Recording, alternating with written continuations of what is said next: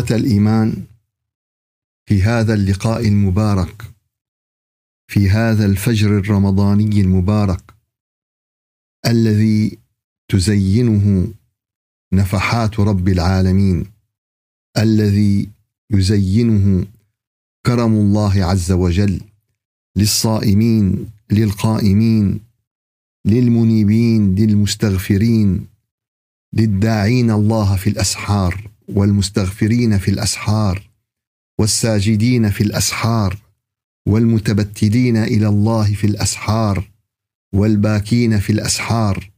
هذا وقت الصلة بالله عز وجل. هذا وقت محبة الله عز وجل. هذا وقت رزق الروح والفجر وليال عشر. وصلنا إلى خواتيم سورة النساء. هذه السورة التي انتصرت للضعفاء. هذه السورة التي انتصفت للمظلومين وأمرت في الدفاع عنهم والدفاع عن حقوقهم والدفاع عن كل ما يتعلق بهم إن كانوا من الأيتام أو كانوا من المستضعفين في الأرض أو كانوا من النساء الذين سميت السورة باسمهم فجميعنا قد جمعنا رحم واحد. خلقنا الله من نفس واحدة وكان حقا علينا وحقا على هذا الرحم الذي جمعنا والذي تمسك حينما خلقه الرحمن بعرشه بأن يصل من يصله وأن يقطع من قطعه. وصلنا إلى خواتيم سورة النساء. يا أيها الناس يا أيها الناس الآية 174 بسورة النساء. خطاب إلى كل بني البشر. فكل بني البشر كما أنه يأكل ويشرب وينام هو بحاجة إلى الهدي هو بحاجة إلى غذاء الروح هو بحاجة إلى غذاء العقل. يا أيها الناس لبيك اللهم لبيك. قد جاءكم برهان من ربكم وأنزلنا إليكم نورا مبينا. فأما الذين آمنوا بالله واعتصموا به فسيدخلهم في رحمة منه وفضل ويهديهم إليه صراطا مستقيما. يستفتونك قل الله يفتيكم في الكلاله. ان امرؤ هلك ليس له ولد وله اخت فلها نصف ما ترك وهو يرثها. ان لم يكن لها ولد فان كانت اثنتين فلهما الثلثان مما ترك. وان كانوا اخوه رجالا ونساء فللذكر مثل حظ الانثيين يبين الله لكم. ان تضلوا والله بكل شيء عليم. آيات في منتهى الروعة. آيات توضح المنهج القويم توضح الصراط المستقيم توضح الحالة الإيمانية الصادقة الحالة الإيمانية الحقيقية التي أن التي يجب أن يكون عليها المؤمن والتي يجب أن يكون عليها المسلم. والتي يجب أن يسعى إليها كل واحد منا. كل واحد منا يجب أن يسعى إلى الحال الذي تدعو إليه هذه الآيات. يا أيها الناس قد جاءكم برهان من ربكم. فالبرهان في كل مكان. البرهان ساطع في خلق الله عز وجل. ففي كل شيء له آية تدل على أنه واحد. في كل خلق الله عز وجل المحيط بنا. اليوم رغم كل ما صنع الإنسان وبنى الإنسان وطبعا صنعه بعلم من الله صنعه بما خلق الله له من المواد الأولية ومع ذلك كل ما صنعه الإنسان على كوكب الأرض لا يشغل إلا حيز بسيط. نظرة واحدة إلى السماء فيجد الإنسان عظمة خلق الله عز وجل. فيجد الإنسان روعة وبديع صنع الله عز وجل. قد جاءكم برهان من ربكم. نعم الأنبياء والمرسلين أتوا بالبراهين أتوا بالمعجزات. أتوا بالمعجزات التي كانت براهين لأقوامهم ودلائل وإثباتات للناس الذين كانوا معهم وعاشوا في فترتهم. ولكن بقية الناس بقية العالم لم يشهدوا هذه المعجزات لم يشهدوا هذه البراهين. فآمنا بها لأن الله عز وجل قد ذكرها في كتابه العزيز. أما المعجزة التي أتى بها النبي عليه الصلاة والسلام وهي كلام الله عز وجل القرآن الكريم هذه الأعطية الإلهية. هذه الأعطية الربانية فهذا البرهان باق إلى يوم القيامة. في كل كلمة منه برهان في كل سطر في كل آية في كل في كل دلالة. فأين أنتم يا من أتعبكم ظلام الإلحاد؟ أين أنتم يا من أتعبكم هواجس الشيطان ونزغات الشيطان ووسوسات الشيطان؟ أين أنتم يا من أتعبكم وأرهقكم البعد عن الله عز وجل فانزلقتم في المعاصي وظلمات المعاصي وانزلقتم في البعد عن الله عز وجل فعميت أبصاركم وسدت آذانكم عن هذه البراهين. زقزقة العصفور برهان صوت الطير برهان صوت الهواء برهان رائحة الوردة برهان لون الوردة وألوان الزهور برهان الأشجار الغابات الأمطار الأحياء. كل خلية بوجودك كل خلية بوجودك. عالم قائم بذاته عالم قائم بذاته. برهان بكل ذرة من الأكسجين أو من الحديد أو من النحاس أو من الكربون. برهان فقد جاءكم برهان من ربكم. فكيفما التفتت وأنما التفتت؟ برهان تدل على الخالق. تدل على الخالق العليم تدل على الخالق الرحيم تدل على الخالق العظيم الحكيم. وهذه البراهين دلائل عقلية. دلائل شو؟ عقلية. تغذي العقل وتغذي الفكر حتى تصل من خلالها إلى معرفة الله عز وجل. حتى تصل من خلالها إلى محبة الله عز وجل. حتى تصل من خلالها لأن تنشئ هذه العلاقة بينك وبين الله عز وجل. علاقة الإيمان علاقة المحبة علاقة المعرفة وبعد ذلك علاقة العبادة وبعد ذلك علاقة السمو والارتقاء. ولهذا خلقكم. هاي الغاية من خلق الإنسان. ولهذا أوجدكم على هذا الكوكب ولهذا سخر لكم الشمس وسخر لكم القمر وسخر الليل وسخر النهار وسخر الأنعام وسخر كله مسخر للإنسان حتى يصل إلى هذه الحقيقة حتى يصل إلى هذه الغاية المرجوة. ولكن السؤال هل وصل الإنسان إلى هذه الغاية المرجوة؟ هل وصل الإنسان إلى هذه الحقيقة؟ يا أيها الناس قد جاءكم برهان من ربكم وأنزلنا إليكم نورا مبينا. الحقيقة يا أحبابنا أن مسألة النور وقضية النور في القرآن الكريم قضية غائبة اليوم عن واقعنا الإيماني. قضية غائبة اليوم عن واقعنا التعبدي عن واقعنا الشخصي. وللاسف الشديد هناك خلط بين النور وبين الضوء وكل الترجمات اللي بحثت فيه كل ترجمة النور بأنه اللايت الضوء وهذا يعني يعني هذا خطأ جسيم. هذا خطأ جسيم. النور هو أسرع ومختلف تماما عن الضوء. وهناك مخلوقات نورانية. هناك مخلوقات نورانية هي الملائكة. هي الملائكة. ورب العالمين أعطانا بس هيك فكرة بسيطة لعلماء الفيزياء وعلماء النظرية النسبية والباحثين في نظرية أينشتاين. قال لك تعرج الملائكة والروح إليه. كما ذكرنا الملائكة أجسام نورانية. قال تعرج والروح إليه في يوم.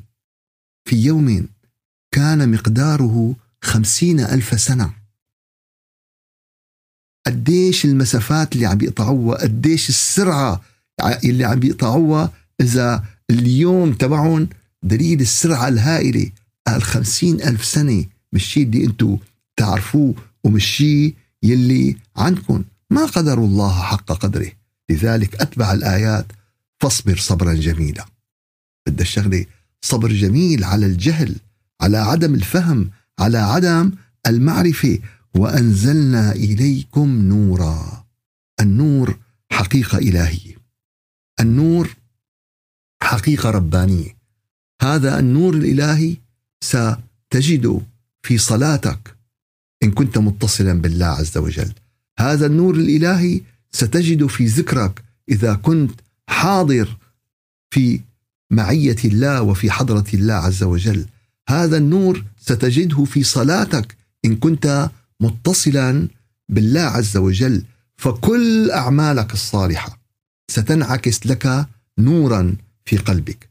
كل أعمالك الصالحة وبالمقابل كل أعمالك السيئة كل أعمالك البعيدة عن الله اللي فيها معصية لله ستنعكس ظلاما في قلبك.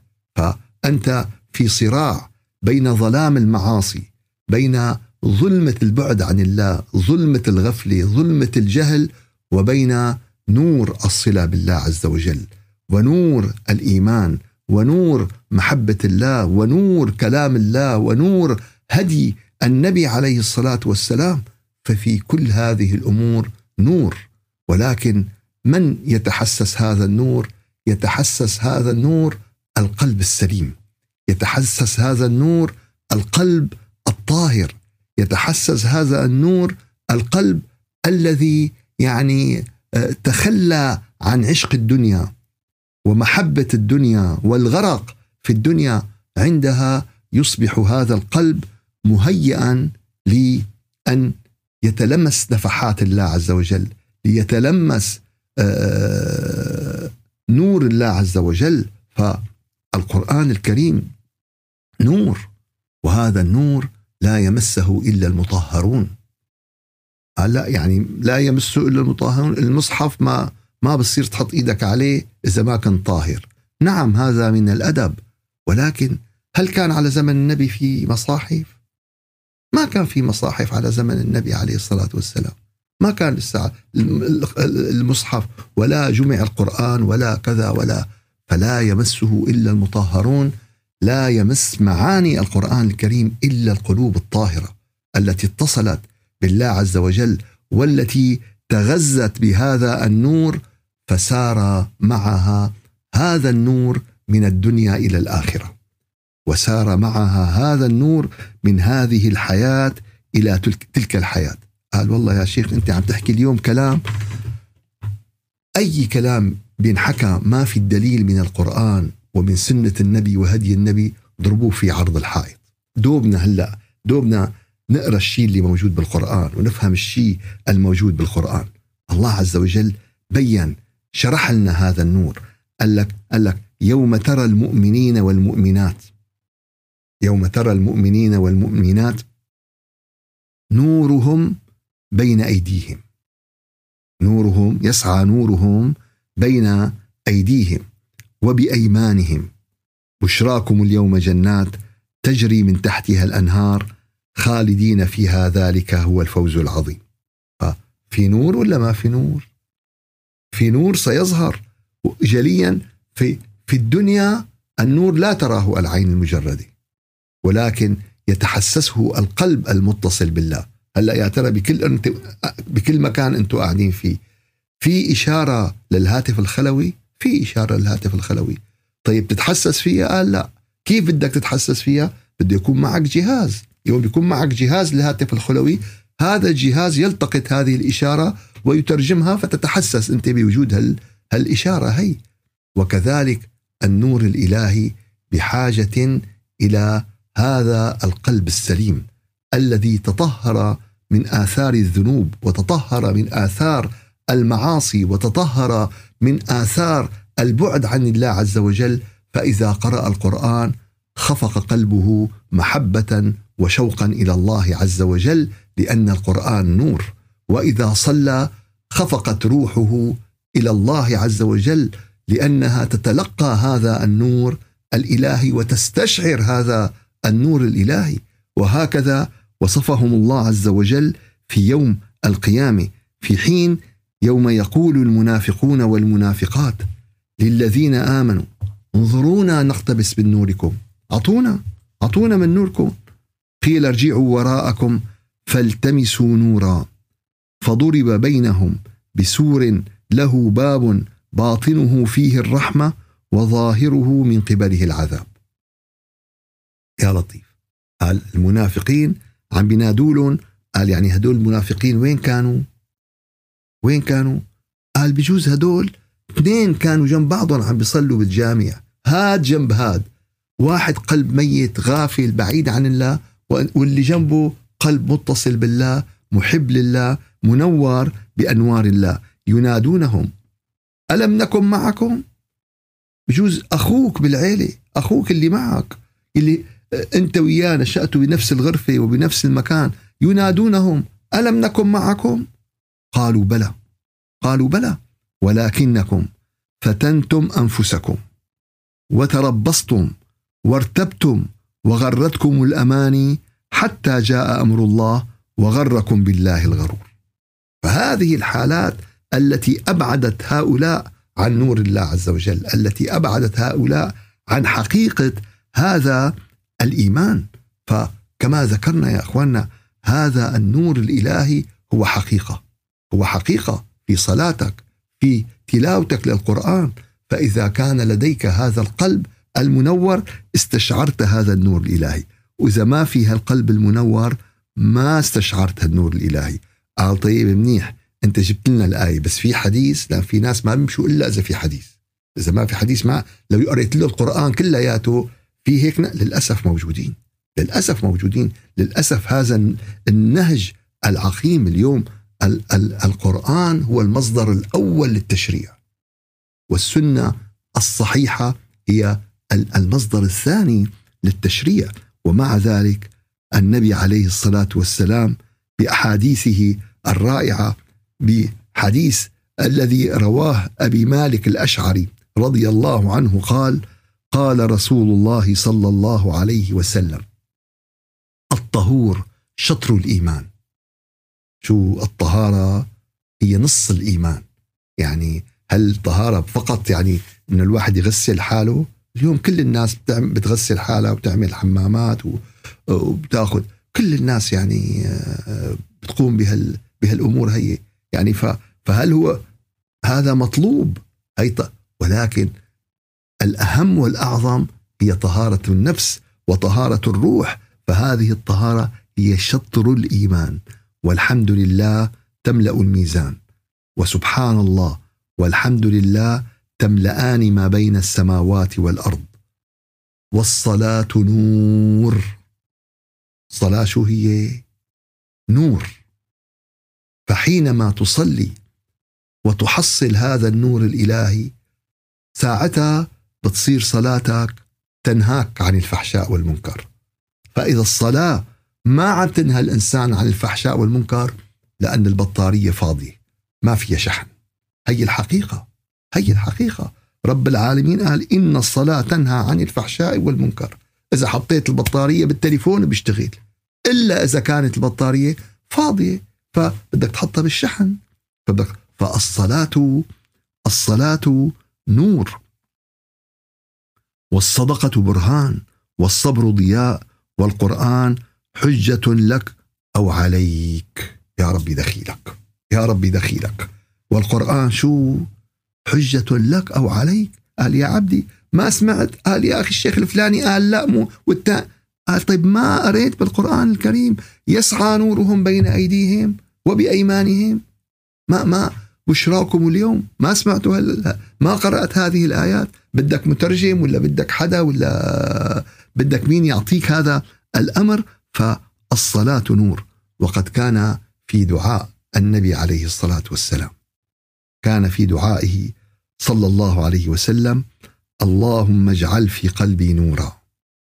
وين؟ قال في قلب وفي نور. هذا دعاء النبي عليه الصلاة والسلام اللهم اجعل في قلبي نورا وفي بصري نورا وفي سمعي نورا. وعن يميني نورا وعن يساري نورا وفوقي نورا وتحتي نورا وأمامي نورا وخلفي نورا واجعل لي نورا. ف, ف. ماذا بعد هذا أيها الأخ أو أيتها الأخت؟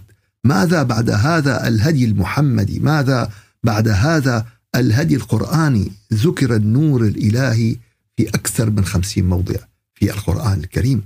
لدلالة هذا النور لأهمية هذا النور لضرورة هذا النور ولن نستطيع في في في هذه العجالة الحية وإنما سيكون لنا وقفات أخرى مع هذه الأعطيات الإلهية مع هذه الأعطيات الربانية التي بينت للمؤمن يا أيها الذين آمنوا اتقوا الله وآمنوا برسوله. قال إذا اتقيتوا الله مزبوط وامنتوا برسوله مزبوط يؤتكم كفلين من رحمته ويجعل لكم نورا تمشون به. الله بيجعل لك نور. قال له إن الشيطان لا يفر منك يا عمر. في نور. كان أصحاب النبي كلهم نور. فاليوم الإنسان الذي يتحسس هذا النور بس وين؟ كيف؟ إنها لا تعمل أبصار ولكن تعمل قلوب التي في الصدور. فإذا ال ال ال الأذن صمت وإذا العين عميت عن هذا النور الإلهي. فلذلك لما عميت عيون أبو أبو لهب وأبو جهل عن النور الإلهي ما استفادوا من النبي. ولكن أبو بكر وعمر وعلي وعثمان رضوان الله عليهم جميعا رأوا هذا النور الإلهي وتحسسوا هذا النور الإلهي فرأوا حقيقة النبي عليه الصلاة والسلام. يا أيها الناس قد جاءكم برهان من ربكم. وأنزلنا إليكم نورا مبينا. فأما الذين آمنوا بالله بدأ إيمان حقيقي. وسيمر معنا إن شاء الله في افتتاحية سورة الأنفال. مقومات هذا الإيمان الحقيقي. فأما الذين آمنوا بالله واعتصموا به بدك تعتصم.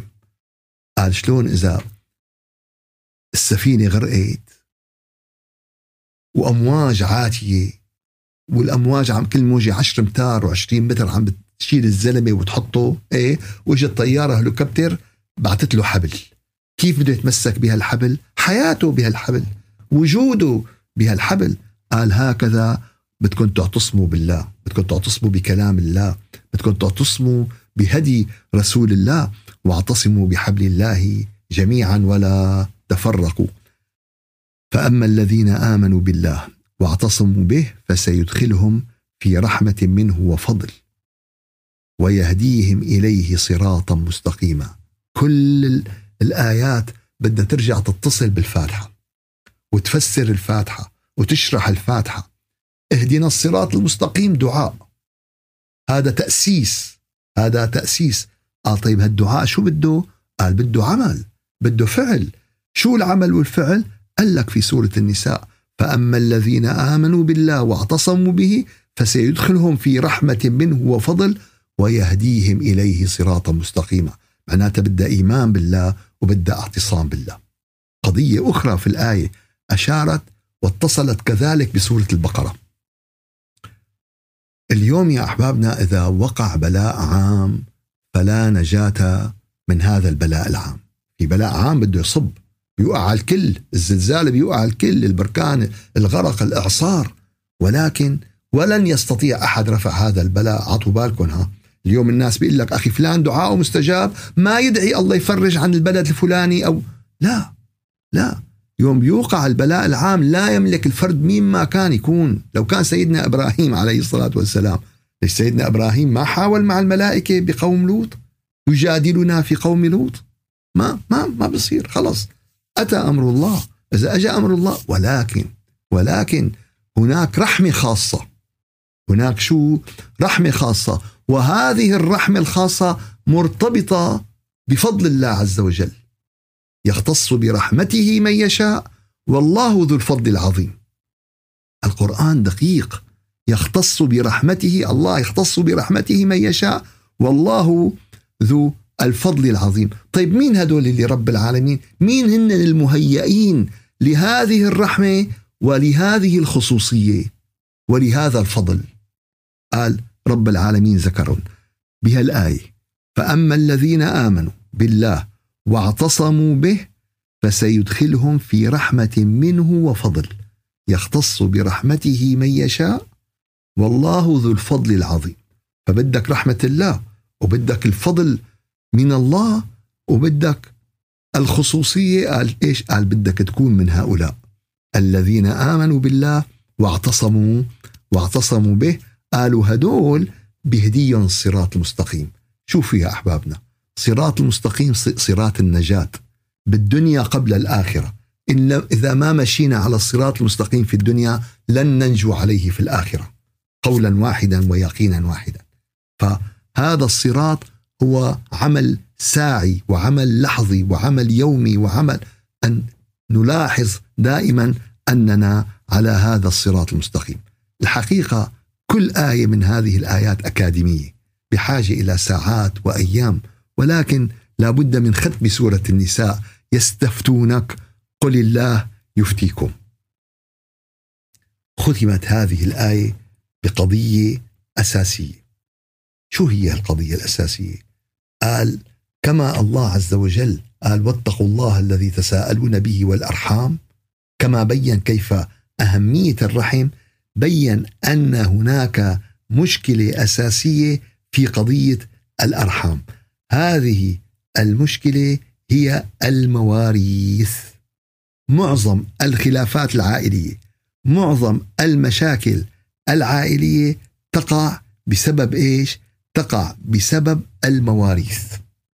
آه المواريث. وقبل المواريث لابد لنا من وقفة بسيطة مع يستفتونك. الاستفتاء هو أن تطلب الحكم الشرعي. لحالة لا تعرف فيها الحكم. بدك الحكم الشرعي بهالحالة أما السؤال فيقتضي أي شيء. يعني السؤال هو أوسع من الاستفتاء. السؤال هو أوسع من الاستفتاء. والحقيقة أن أصحاب النبي عليه الصلاة والسلام كانوا يسألون النبي عليه الصلاة والسلام. وقد بين القرآن ذلك. يسألونك عن الأهلة. يسألونك ماذا ينفقون. يسألونك عن الشهر الحرام. يسألونك عن الخمر والميسر. يسألونك عن اليتامى. يسألونك عن المحيض. يسألونك ماذا أحل الله لهم. يسألونك عن الساعة. يسألونك عن الأنفال. يسألونك عن الروح. يسألونك عن ذي القرنين. كل قضية كانوا يسألون النبي عليه الصلاة والسلام. فماذا يفهم من هذه الآية؟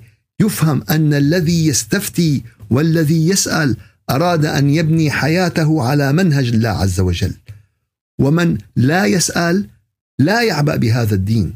ويعني بالتعبير العامي حط الخرج مثل بعضها. يعني مشيت مزبوطة مو مزبوطة فالمؤمن الذي يريد رضاء الله عز وجل يسأل لأنه يريد أن يعرف المنهج يريد أن يدرك الحقيقة.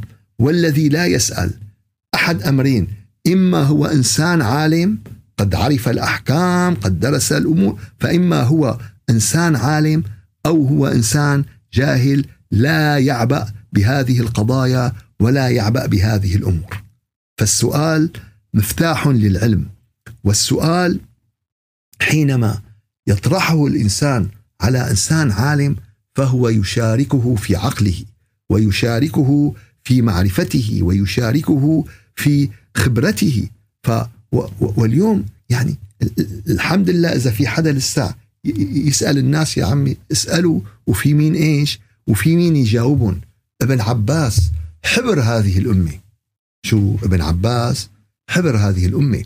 حينما سألوه كيف أصبحت؟ كيف؟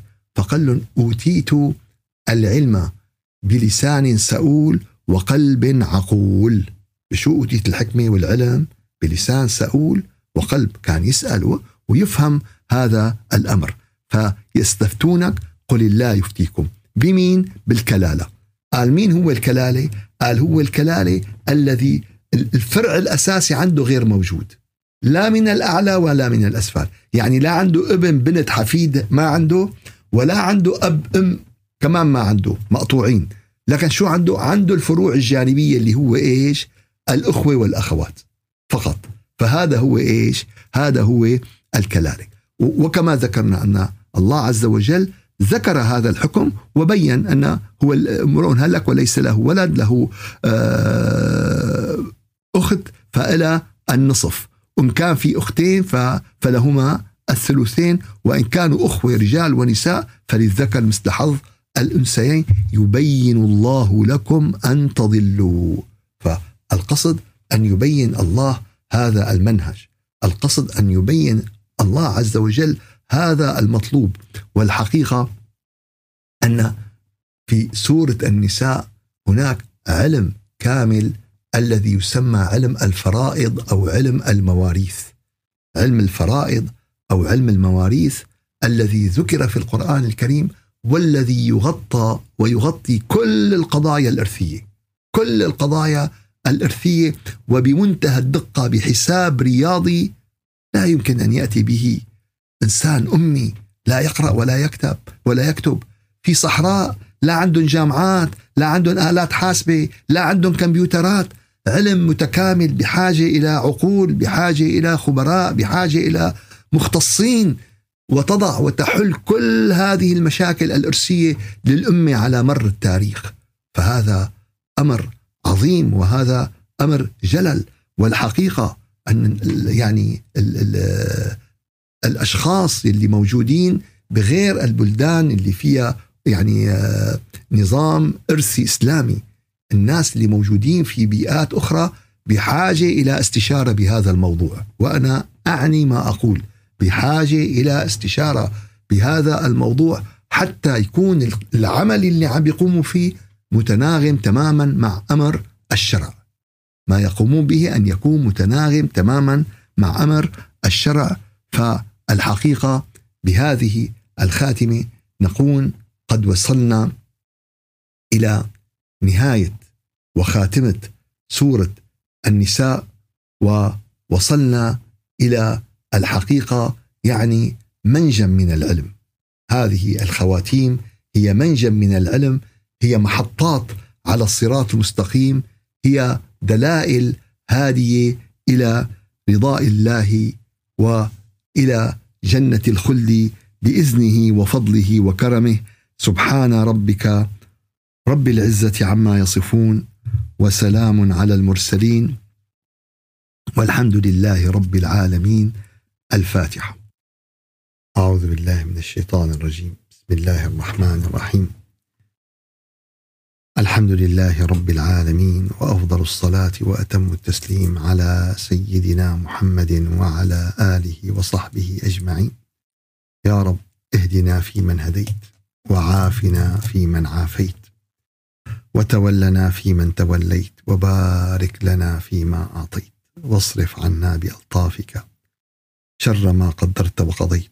يا رب يا رب اجعل في قلوبنا نورا وفي أبصارنا نورا وفي أسماعنا نورا وعن يميننا نورا وعن يسارنا نورا ومن فوقنا نورا ومن تحتنا نورا ومن أمامنا نورا ومن خلفنا نورا واجعل لنا نورا.